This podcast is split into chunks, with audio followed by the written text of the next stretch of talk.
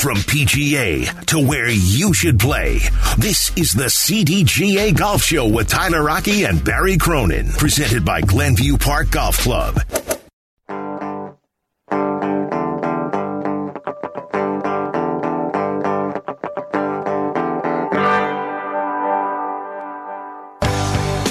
Welcome in. It's the CDGA Golf Show presented by Glenview Park Golf Club. Tyler Aki and Barry Cronin. We're with you every single Sunday morning, 7 to 9 a.m. If you missed anything from the show, want to check it out, we are wherever you get your podcast. That includes the great ESPN Chicago app. You can find us under the CDGA Golf Show tab there or search CDGA Golf Show wherever you get your podcast. This segment brought to you by Golf Elgin, home of Bowes Creek Country Club and the Highlands of Elgin. We will talk with Nick Hardy coming up at 8:15. Nick is out at the Travelers Championship right now. We had a chance to catch up with him earlier in the week after he finished tied for 14th at the US Open, one of his best performances of his young and budding career. So we're looking forward to that conversation coming up in about 15 minutes from now. Barry, you and I have talked a lot on this show about LIV golf, but more importantly, what is the PGA Tour going to do to counter what's happening with LIV golf? And as the threat has gotten more and more serious and more and more golfers are leaving, including this week the news that Brooks Koepka as well as Abraham Ancer are jumping over to the LIV golf tour as well. Those are especially in the in the context of Brooks, it's a big name jumping ship. And you and I have gone back and forth about how we thought Brooks was probably going to be one of those names. His brother's on the LIV Golf Tour, and he probably saw some of the checks his brothers was getting just for showing up. And Brooks, I'm sure, is going to be in that club of golfers making north of a hundred million now. Well, right, exactly, and um, and and Brooks, though, interestingly enough, not that long ago, said that he was not going to go to the LIV Golf Tour and uh, Rory McIlroy came out this week and called uh, Brooks uh, duplicitous. So uh, there's a little bad blood brewing there. Um, and of course, Brooks doesn't care because he's Brooks, you know, and, right. and you're not. And uh, that's kind of his uh, his that's how he rolls. So, um, you know, Brooks has had some injuries. Um, he seems to be bored with the PGA Tour. He likes the majors. Okay, didn't play that great at the at the U.S. Open. Um, but uh, you know, he uh, he just seems to be. Uh, he, I don't know if he's not competitive anymore. It's hard to say. I mean, he's not that old of a guy. No. But um, but you wonder if his body's breaking down or what. Um, you know, he has a knee injury, so um, so he's he's gone. And Abraham Ancer, good good young player, uh, 31 years old now. Uh, he's made a lot of money on the tour, but they want they they they took him. Um, uh, there's one uh, one agency uh, that that represents players that seems to be funneling some of their players to um, the LIV Tour, and of course, you know the uh, agency if they're funneling their players. Guess what? It's not only the players getting money; they're getting a commission yeah. on on delivering players to the uh, to the tour. So, and that's the thing too. I haven't even thought about this, but from an agent standpoint here, that is guaranteed money. Yeah. Whereas with when you're representing golfers who are playing on the PGA Tour, there's no guarantees those guys make any money. Well, right, but I don't. Agents don't make money on the on the week to week performance of the players. They make money on um, um, if they can if they can get players an endorsement mm-hmm. contract mm -hmm. with uh, uh, with whoever, Callaway, right. Titleist, okay. whatever. Mm -hmm. um, so they get a percentage of that, and they get a percentage of if they can get, say, a corporate day where a player might get paid X. Let's say a guy, and this is probably low, but thirty, forty thousand bucks to go and do a um, go up to uh, uh, whoever, AT and T or Motorola or or John Deere, whatever. That John Deere doesn't do it, but but there are co companies that do, and they pay a guy forty grand to do a um, uh, a day, a corporate day, entertain clients, mm -hmm. etc. And the agent will get a percentage of that. So yeah. that's how they're making money. So. yeah. Yeah. The other news, too, in terms of LIV golf is Oklahoma State's Eugenio Chacarra is also going to be joining the LIV golf tour. You probably don't know that name, but he's the number two ranked amateur right now And that stuff matters because if you start to look at these young up and coming stars and they're picking LIV golf over going to the Corn Ferry Tour and then ultimately getting to the PGA Tour because there's that guaranteed money there. And not just that, but it's a large check you'll be cashing as well. Sure. That's important because that's how this LIV golf tour not only gets its legs but sustains this. If they are taking the young stars like that. Right, but the nature of the LIV tour, as we as we have to, as Claire Peterson just mentioned, um, it is a 54 hole exhibition. Okay, um, I looked it up. Since 1873, real golf tournaments have been 72 holes, four rounds. Okay, that's what a real golf tournament is, and um, there's a cut. And in professional golf, uh, if you miss the cut, you don't get paid. That's part of what creates the competitive nature of the game. I mean, I think they'll probably have to, the tour is going to have to do something about uh, uh, helping players uh, who qualify uh, at least pay their travel expenses. I mean, that's Yeah. going to be they're going to there's going to probably going to have to be that hey, when you get on the PGA Tour, um, making it onto the PGA Tour, you're going to be able to get X amount of money. And the Corn Ferry Tour is a very hard place to be too. Uh, so they're going to have to do something at those at that level, and even the Latino America and the Canadian Tour, the Forum Tour they call it now, they may have to to, to go down and, and, and help those guys with some with some money because it's hard uh, to play those tours and um, and and uh, you know they have competition, so they're going to have to respond. Um, uh, so anyway, yeah. So Jay Monahan, the commissioner of the PGA, came out earlier this week, big press conference announcing a lot of changes that are going to be happening on the PGA Tour. But most importantly, he talked about the imminent threat of the, the LIV Golf Series. Let me be clear. I am not naive. If this is an arms race, and if the only weapons here are dollar bills, the PGA Tour can't compete. The PGA Tour, an American institution, can't compete with a foreign monarchy that is spending billions of dollars in an attempt to buy the game of golf. We welcome good, healthy competition. The LIV Saudi Golf League is not that. It's an irrational threat, one not concerned with the return on investment or true growth of the game. Now, I know legacy and purpose sound like talking points that don't mean much. But when I talk of those concepts, it isn't about some sort of intangible moral high ground. It is our track record as an organization and as a sport. So, so strong stuff there from Jay Monahan, and, and he knows this is a real threat now, and it's only going to continue to be a, a, a bigger and bigger threat as we move down and as we see more golfers start to jump over. Right, and uh, um, you know, I mean, who knows what uh, what's going to happen? But uh, like you mentioned, the uh, the young player who's going to go over now uh, from Oklahoma State.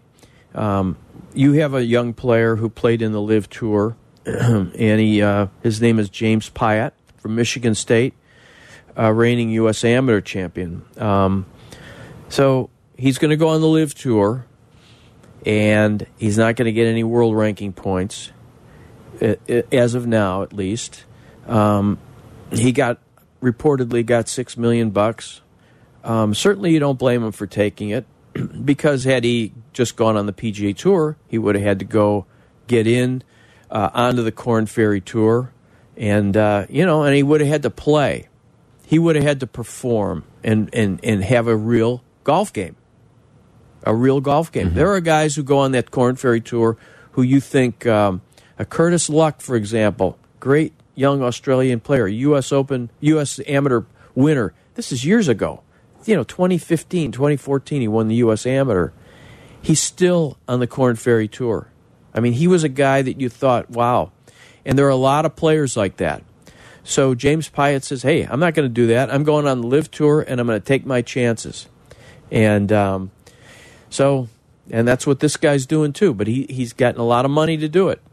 So they're basically kind of giving up their their golf careers in a way. I mean, to go out and play a 54 hole exhibition um, with uh, against Phil Mickelson or whatever, who's over 50 years old and hasn't been playing great, as we saw at the U.S. Open.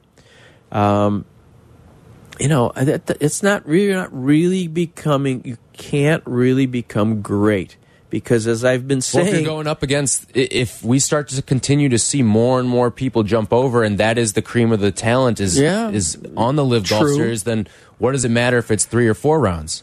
I mean, well, it, I don't it does. Well, it does matter in the history of the game. It matters, and it'll matter to the world ranking uh, guys. Who, and so we've we've. I just don't know if if if you're jumping ship to to this LIV golf series and this maybe one day becomes the standard of what golf is. I don't think they're going to be wrapped up with what the history, what the legacy is.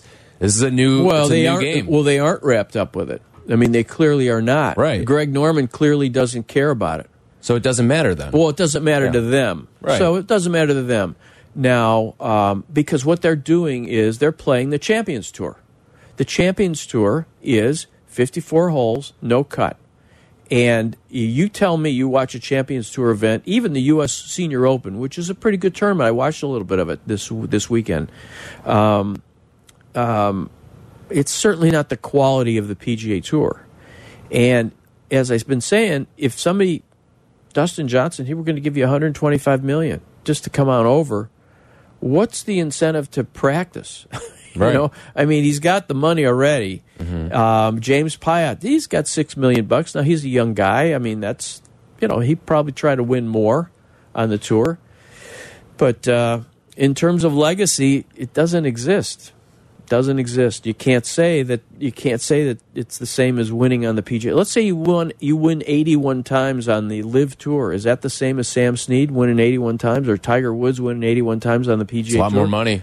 Well, it's a lot more money, but I mean, you don't measure. You know, in life, you're not going to measure yourself by money. You got to me measure yourself by. Um, I mean, it's not like the guys on the PGA Tour. It's not, Dustin Johnson made almost seventy-five million dollars on course alone. So you know, he takes another 125. I mean, how much do you need? How many? Ge- okay, we call that generational wealth, and it's always a question to me when you know you watch baseball players, particularly basketball players. Okay, they all get generational wealth. How many generations uh, do you need for your wealth? Uh, how many generations does it have to last? Um, so, and I think I think McIlroy is is uh, is been has been great on that, which is, hey, you know, I got a I got a lot of money, and I still live. I got this big house, and we still live basically in the same three rooms. So um, I don't know. It's it's nuts. Um, Now, one of the big changes that that is coming to the PGA Tour is there is going to be larger purses for a number of tournaments now, uh, including the Players Championship. That's going to increase up to twenty five million, and there's going to be a new six tournament series um, that's also going to be taking place with the PGA Tour. They're sort of taking some of what LIV Golf is doing and implementing the, it into their own schedule. This is all going to take place starting in 2023. So they see the threat, and this is part of what. uh, This is part of the reason why the LIV Golf Series also exists in the first place. It's because Greg Norman thinks there's money that's being hidden from the P- by the PGA Tour, and now we're starting to see some of those dollars leak out a little bit. Right. Well, yeah, and, and players have said that over the years. And and uh, listen, if uh, if they had paid out all this money that they've had stashed up for years, they wouldn't be able to compete with the LIV Tour. They would have the money now to compete with them. Um, uh, so, I was looking at the other day. I think they got a, a billion dollar uh, rights fee from uh, CBS, but it was like for twelve years. Right.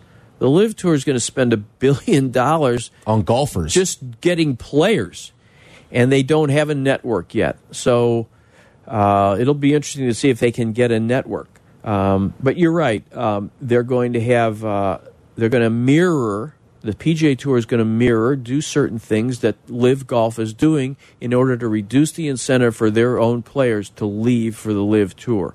And and what what Monahan was said is true. They can have several events that are similar to the LIV Tour, no cut events, lots of money, etc. Um, but they but I think that the tour has to hang its hat on. Hey, look, we are gonna, we've got a lot of money. We're going to have these these events for the top seventy players, um, and um, we're going to uh, we're going to spread a lot of money around among the top players, which is important for them to do.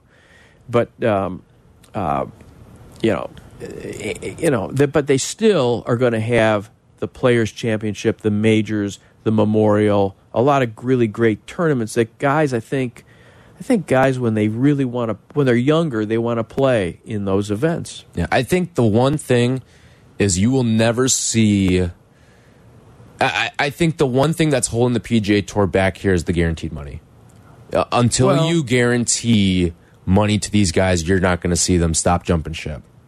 Well, that may be true, um, and but you know, I don't think they've only got so much money.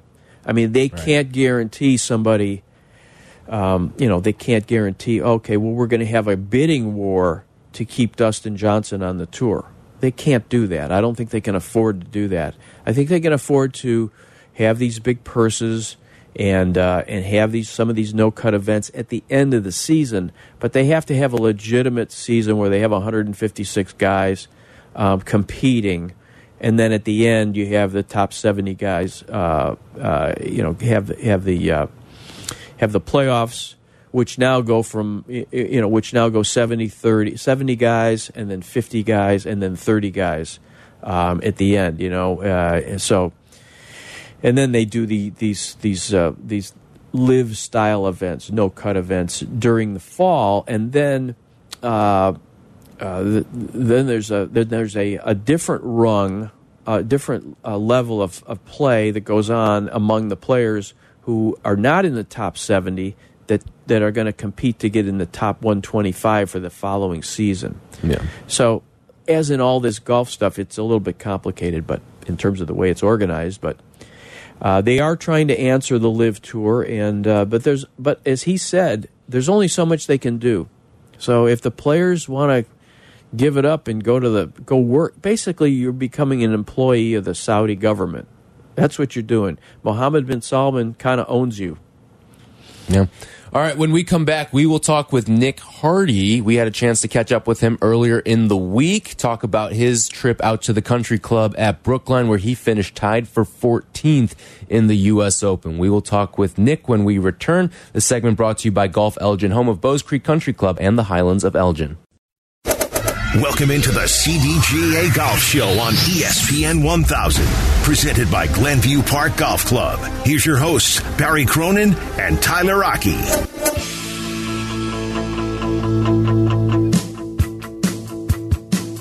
Welcome in. It's the CDGA Golf Show presented by Glenview Park Golf Club. Tyler Aki and Barry Cronin. We're with you every single Sunday morning, 7 to 9 a.m., right here on ESPN 1000, talking all things the world of golf this segment brought to you by Zero Friction and their new Wheel Pro golf bag. Let's head on out to the Jersey Mike's hotline where we find tied for 14th atop the U.S. Open leaderboard. It's Nick Hardy, Northbrook's very own. He joins us here on the CDGA Golf Show. Nick, welcome on in and thanks so much for joining us and congratulations on finishing in a tie for 14th at the U.S. Open. Thank you, guys. Appreciate it. Thanks for being with us, Nick. And, and I, I know you're. Uh, you're uh, at the Travelers, so uh, we appreciate you joining us uh, this week. Um, Nick, you played uh, you played tremendous golf, uh, and you really, uh, I think, kind of announced your arrival on the on the big stage at the U.S. Open after, and you had a month off. Tell us what happened during that month off with your wrist injury, and and what you did during that time to come back so strong.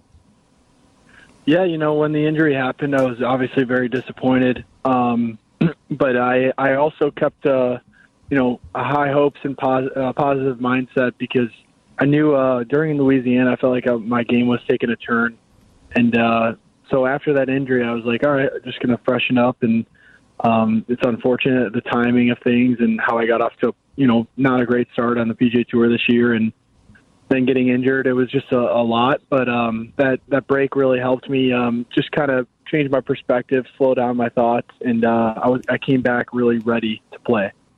Nick, you've played in the U.S. Open before a number of times. What, what did you learn from those prior experiences that allowed you to have so much success this time around? Yeah, you know, um, a lot. Uh, I learned a, how to how to play them um, and kind of how to course manage a lot, and just the patience level you need, and um, you got to play very conservatively, and just sometimes even just accept that you're going to make bogeys out there, and um, you know, it's it's it's definitely a kind of a style of play that I think is really conducive to my game, and uh, just kind of my mindset, and my attitude.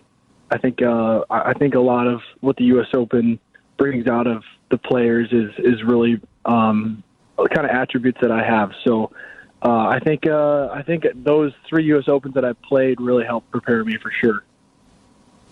In looking at your statistics for the week, Nick, um, uh, I, I, was a little bit surprised that you were 58th in driving distance, uh, 293 yards.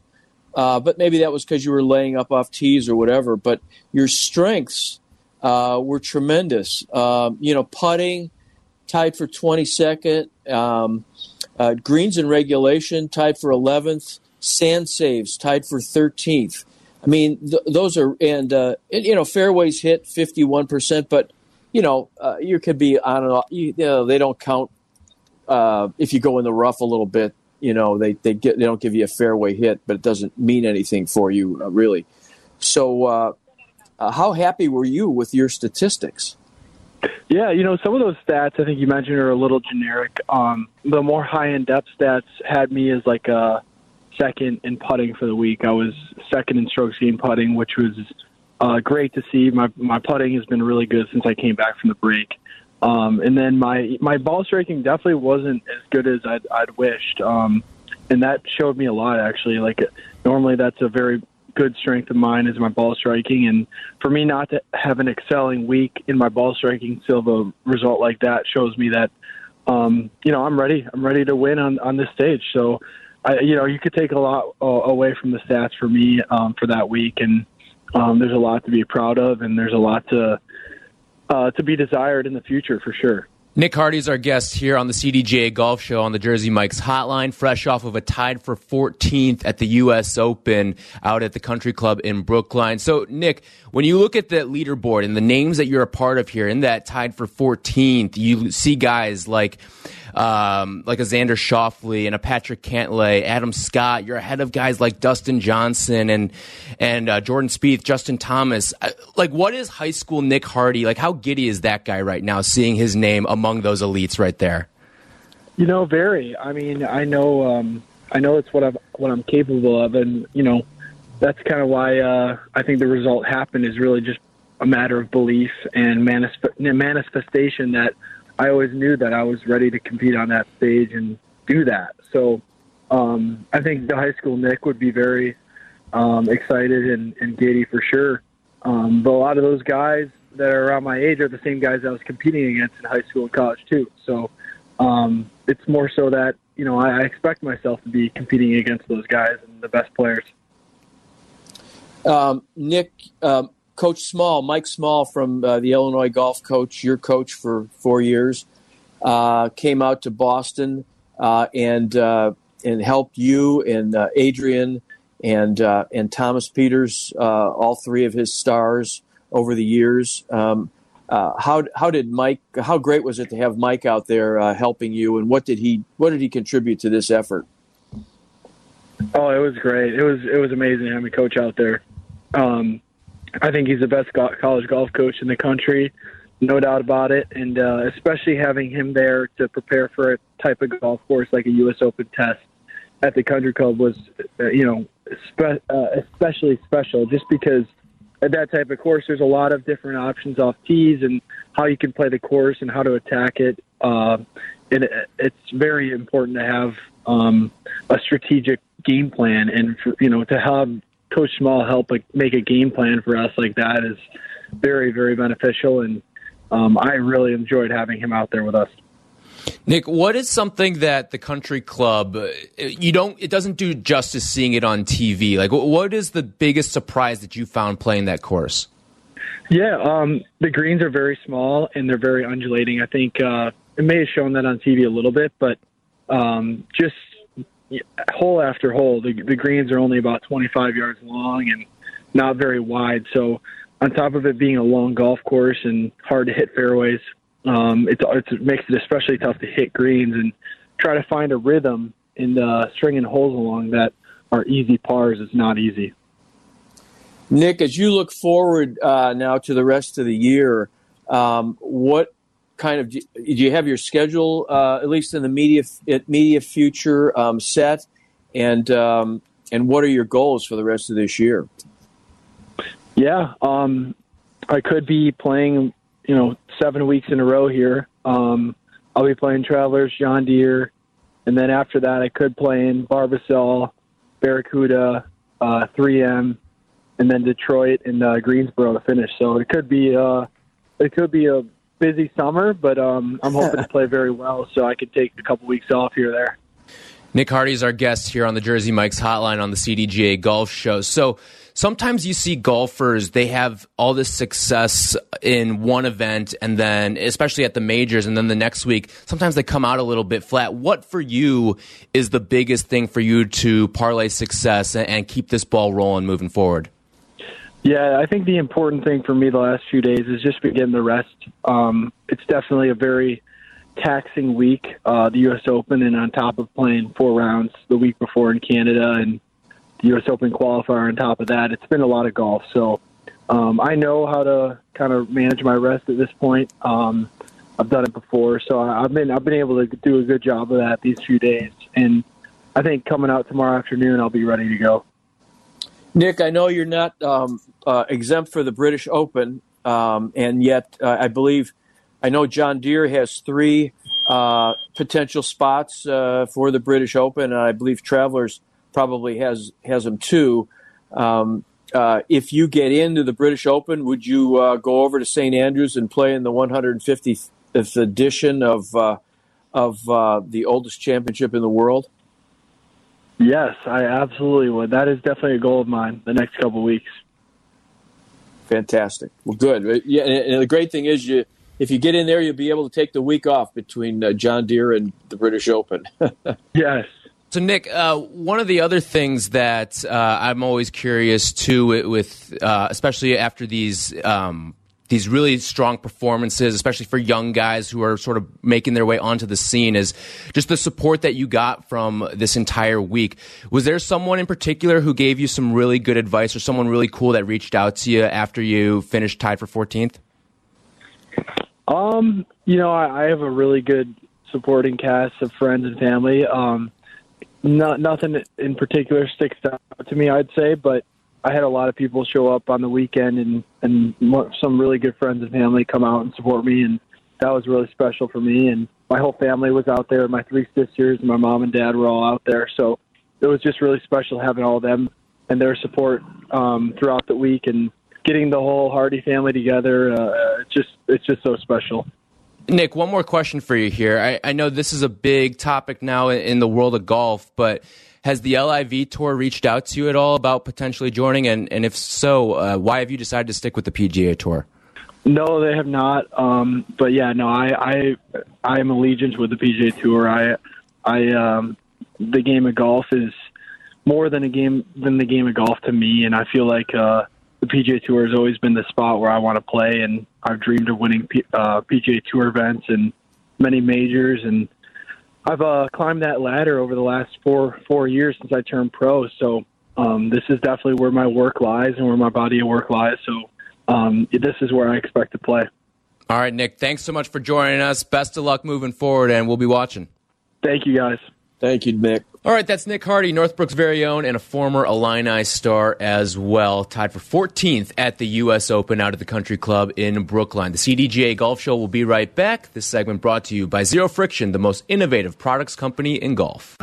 This is the CDGA Golf Show on ESPN 1100.3 HD2 and the ESPN Chicago app. Golf is on your mind and on the air right now.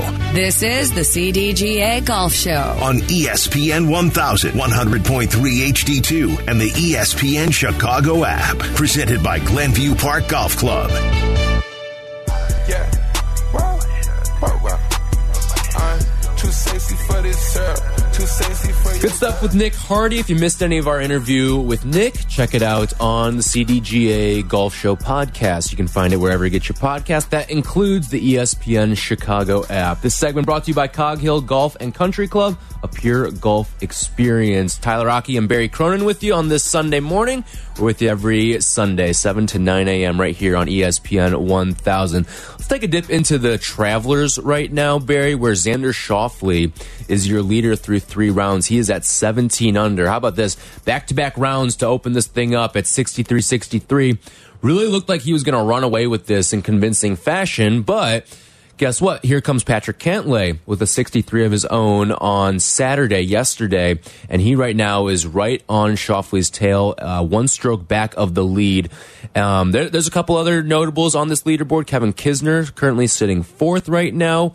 Uh, we've got a tie for seventh with Webb Simpson and JT Poston, as well as Nick Hardy, who we just spoke with not too long ago, and Scotty Scheffler currently sitting tied for 11th right now, uh, and Tony Finau sitting tied for 15th. But some good golf being played out of the Travelers this week. Right, Nick is uh, is at 11 under, and he's so he's six shots back of Schauffele. Um, it's interesting. Schauffele and Patrick Cantlay are good buddies. Uh, they were uh, great Ryder Cup partners uh, in uh, 2021 up at Whistling Straits, and uh, they're going to be in the final pairing today. So that'll be comfortable for them. It'll be interesting to, to see them go at it. Um, and uh, Sahith Theegala, he's remember him earlier in the year. He was I can't remember what tournament it was, but he was he made a made a splash. He'll be at John Deere next week, and uh, and Webb Simpson will be there too. He's T seven along with uh, as Patrick uh, with uh, Nick Hardy as you mentioned.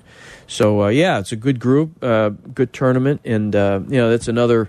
The Travelers is another smaller town event, um, much like John Deere. it's located obviously out at the east on the east coast, and yeah, was another good tournament.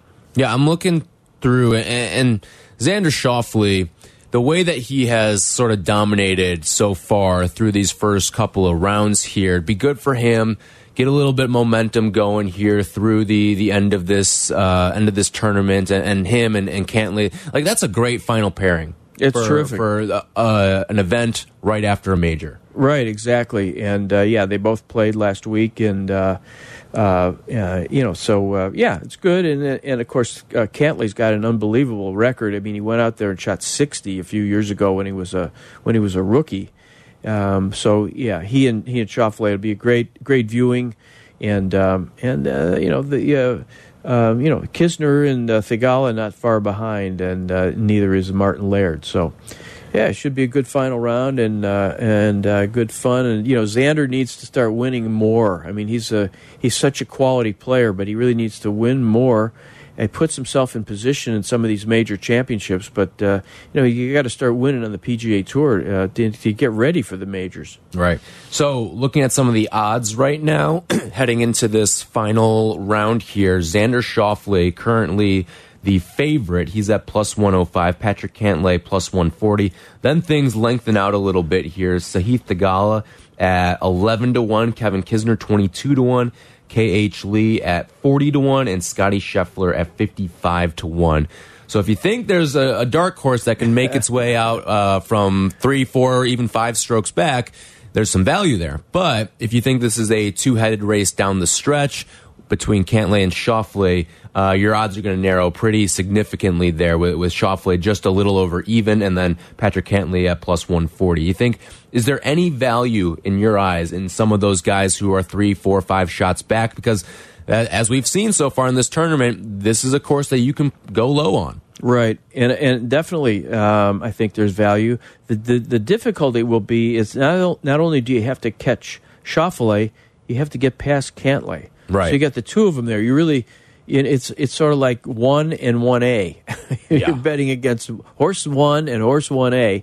Um, so uh, uh, yeah, I mean anything could happen, but uh, but I do think uh, Cantlay's got the track record to, to, to shoot to go low, and and uh, I think it's a two horse race. I'll be proven wrong next week. Although I did have to do have to say I did get Matthew Fitzpatrick right last week. You did. So that was, you know, I have to, you know, give myself some props. So you- you're heading out to the John Deere literally after we are off the air here, Right. Because you are going out and helping out out at the John Deere Classic. What are you looking for forward to most for the John Deere next week? Well, I think I think we're going to have some, uh, you know, we'll have some quality play. Um, I, you know, the there were good, quite a few players that are in the John Deere this week that played in the U.S. Open that and played well. Uh, uh, as, as you you know, as you said, my guy Denny McCarthy, who's I guess now my guy. I think yeah, you you hitched your wagon there. I've you have never, to get an interview with I've him. never out met the guy. We gotta we gotta get we gotta get together. uh, had you know we get a lot of guys that are a little bit under the radar out at the John Deere. Uh, sometimes uh, Hadwin, Hayden Buckley, and of course Nick Hardy. You know Nick could win next week. You know mm -hmm. he could win the John Deere, which would be really be cool. He's gotten a couple sponsors exemptions from Claire. Davis Riley. Here's another guy uh, who's waiting to break out and win on the PGA Tour. Um, so we'll have those guys. And then I think you, if you're watching the tournament next week, this young man named Chris Gotterup, who uh, out of Oklahoma just won the Haskins Award uh, made the cut at the U.S. Open, and so uh, he'll be a good guy. And then uh, Jason Day will be there, Webb Simpson, uh, Daniel Berger, some of the guys that are uh, better, a little bit better known. So uh, I'm looking forward to it. It's always a great week at John Deere. Um, people who um, have children and want to come out and come to a reasonably sane golf tournament not or you know you go to the you go to the BMW championship here and I've worked for those guys and and worked at the westerns over the year um, it's crowded it's Chicago it's big it's hard to get an autograph you go to a smaller market like the Quad Cities I mean you could the kids can stand outside the, the scoring area yeah. and the the guys come out they'll sign for you I mean, it's it's a very Feels a lot like uh, an NFL training camp. Yeah, it's a well, that's a, not a bad analogy. Yeah, it's a smaller town event. Um, the parking's either every oh, the footprint is all easier. Everything it's not as big as Chicago. Um, we have a lot of great tournaments and great events here, but they're bigger, right? So if you drive out a couple hours, it's 160 miles west of O'Hare. So if you're already living in Naperville, you have no excuse not to go. and uh, it's an easy deal. And the tickets are, you know, tickets are cheap. You go to uh, JohnDeereClassic.com, and it's all good. It's a lot of fun. Do you have? This is one of the important things too for anyone going out there, maybe making a weekend out of it too. Food recommendations out there. Um, you have a couple spots that you have in mind? Um, well, uh, yeah, uh, there's a few good ones. Um, I'm just trying to think of the name. Uh, oh, the Bass Street Chop House. It's down in it's at downtown Moline. That's probably the best. And then over in Davenport, there's a really it's unbelievable a high class restaurant called Duck City, and uh, it's uh, it's located across hotel across the street from uh, Hotel Blackhawk down in downtown Davenport those are the two top ones that I would say off the top of my head are really good, and there and there are others that are good too. Gotcha. All right. When we come back, we'll get you through a couple things that are going on around the CDGA and a couple other things going on locally here in Illinois as well. This segment brought to you by Cog Hill Golf and Country Club, home of 42 practice bays with Toptracer technology. This is the CDGA Golf Show on ESPN 1100.3 HD2 and the ESPN Chicago app. How's your golf game? Yeah, mine too, but more on that later. It's time for more golf talk on the CDGA Golf Show, your guide to golf around the world and in your neighborhood. The CDGA Golf Show on ESPN 1000. Here are your hosts, Barry Cronin and Tyler Aki.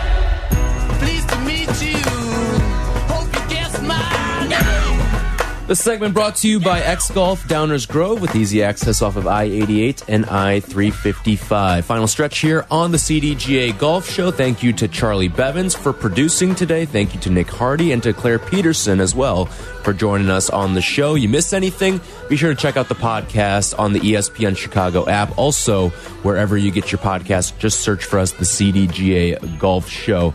So, some things going on around the CDGA this week, including the 102nd CDGA Championship. One of the two CDGA major championships starts tomorrow and concludes on Wednesday at Glen Flora Country Club. So, uh, some a, pretty strong field there as well playing. And then don't forget CDGA member opportunities. There's uh, uh, one coming up July 11th at Flossmoor Country Club. A few spots remain there, so go to cdga.org. And if you're not a member, I don't know what you're waiting for. Be sure to sign up at cdga.org. What are you seeing else in the the world of Illinois golf, Barry? Well, right now we need to mention that uh, at the Travelers, Kevin Streelman, who's a past champion at the Travelers, is uh, five under par, and uh, Luke Donald. Uh, they both made the cut there, so that's good. Um, as we said earlier, uh, Claire Peterson mentioned that Patrick Flavin had uh, qualified Monday, qualified for the event. Unfortunately, he missed the cut, as did uh, Doug Ghim. But uh, they'll both be out at John Deere next week and trying again. We also had the Western Junior uh, this week, the 104th Western Junior Championship out at uh, Naperville Country Club. 16 year old from Monterrey, Mexico, uh, Eduardo Derbez Torres uh, won the event. And uh, so, congratulations to him. Another another great WGA uh, golf tournament. And and then there was the uh, uh, the 95th Women's Western Junior at Prestwick Country Club. Uh, uh, Jessica Mason of Colorado uh, beat Lisa Copeland, who's a, a, a, a girl from uh, Naperville. So uh, some good golf being played, and uh, and good good to have some awareness of those events. One other thing that crossed my mind, and it just crossed my mind again, and it's something from the Travelers too. Real quick on this, did you see the the self driving carts that they had? And one of them self drove itself into the lake. Did you see this? I did not. Okay, as someone who has a a fear of getting into like. I, I don't feel comfortable getting in a self-driving car. I, I don't know how Oh, you feel. No, I'm with you, man. You're I with ya? couldn't- You're yeah, with me? Yeah, yeah, yeah, yeah, absolutely, hundred percent. So now you're you're going to see some of these self-driving golf carts out there. I don't know if I trust those, especially you get some of those narrow drives. You go over a, a bridge here or there. You find yourself dipped in a lake somewhere. I, I think it'd be almost easier with a car because there's so much going on on a golf course, right? You Yeah. know, you've got all these little uh, nooks and crannies. It's a smaller, it's a smaller footprint. The good news is you don't have buses and stuff, you know, potentially uh, bumping into you. But yeah, I, I don't know about self driving. Do you ever think we'll get to a point with technology too where the ball is linked to the cart to a degree?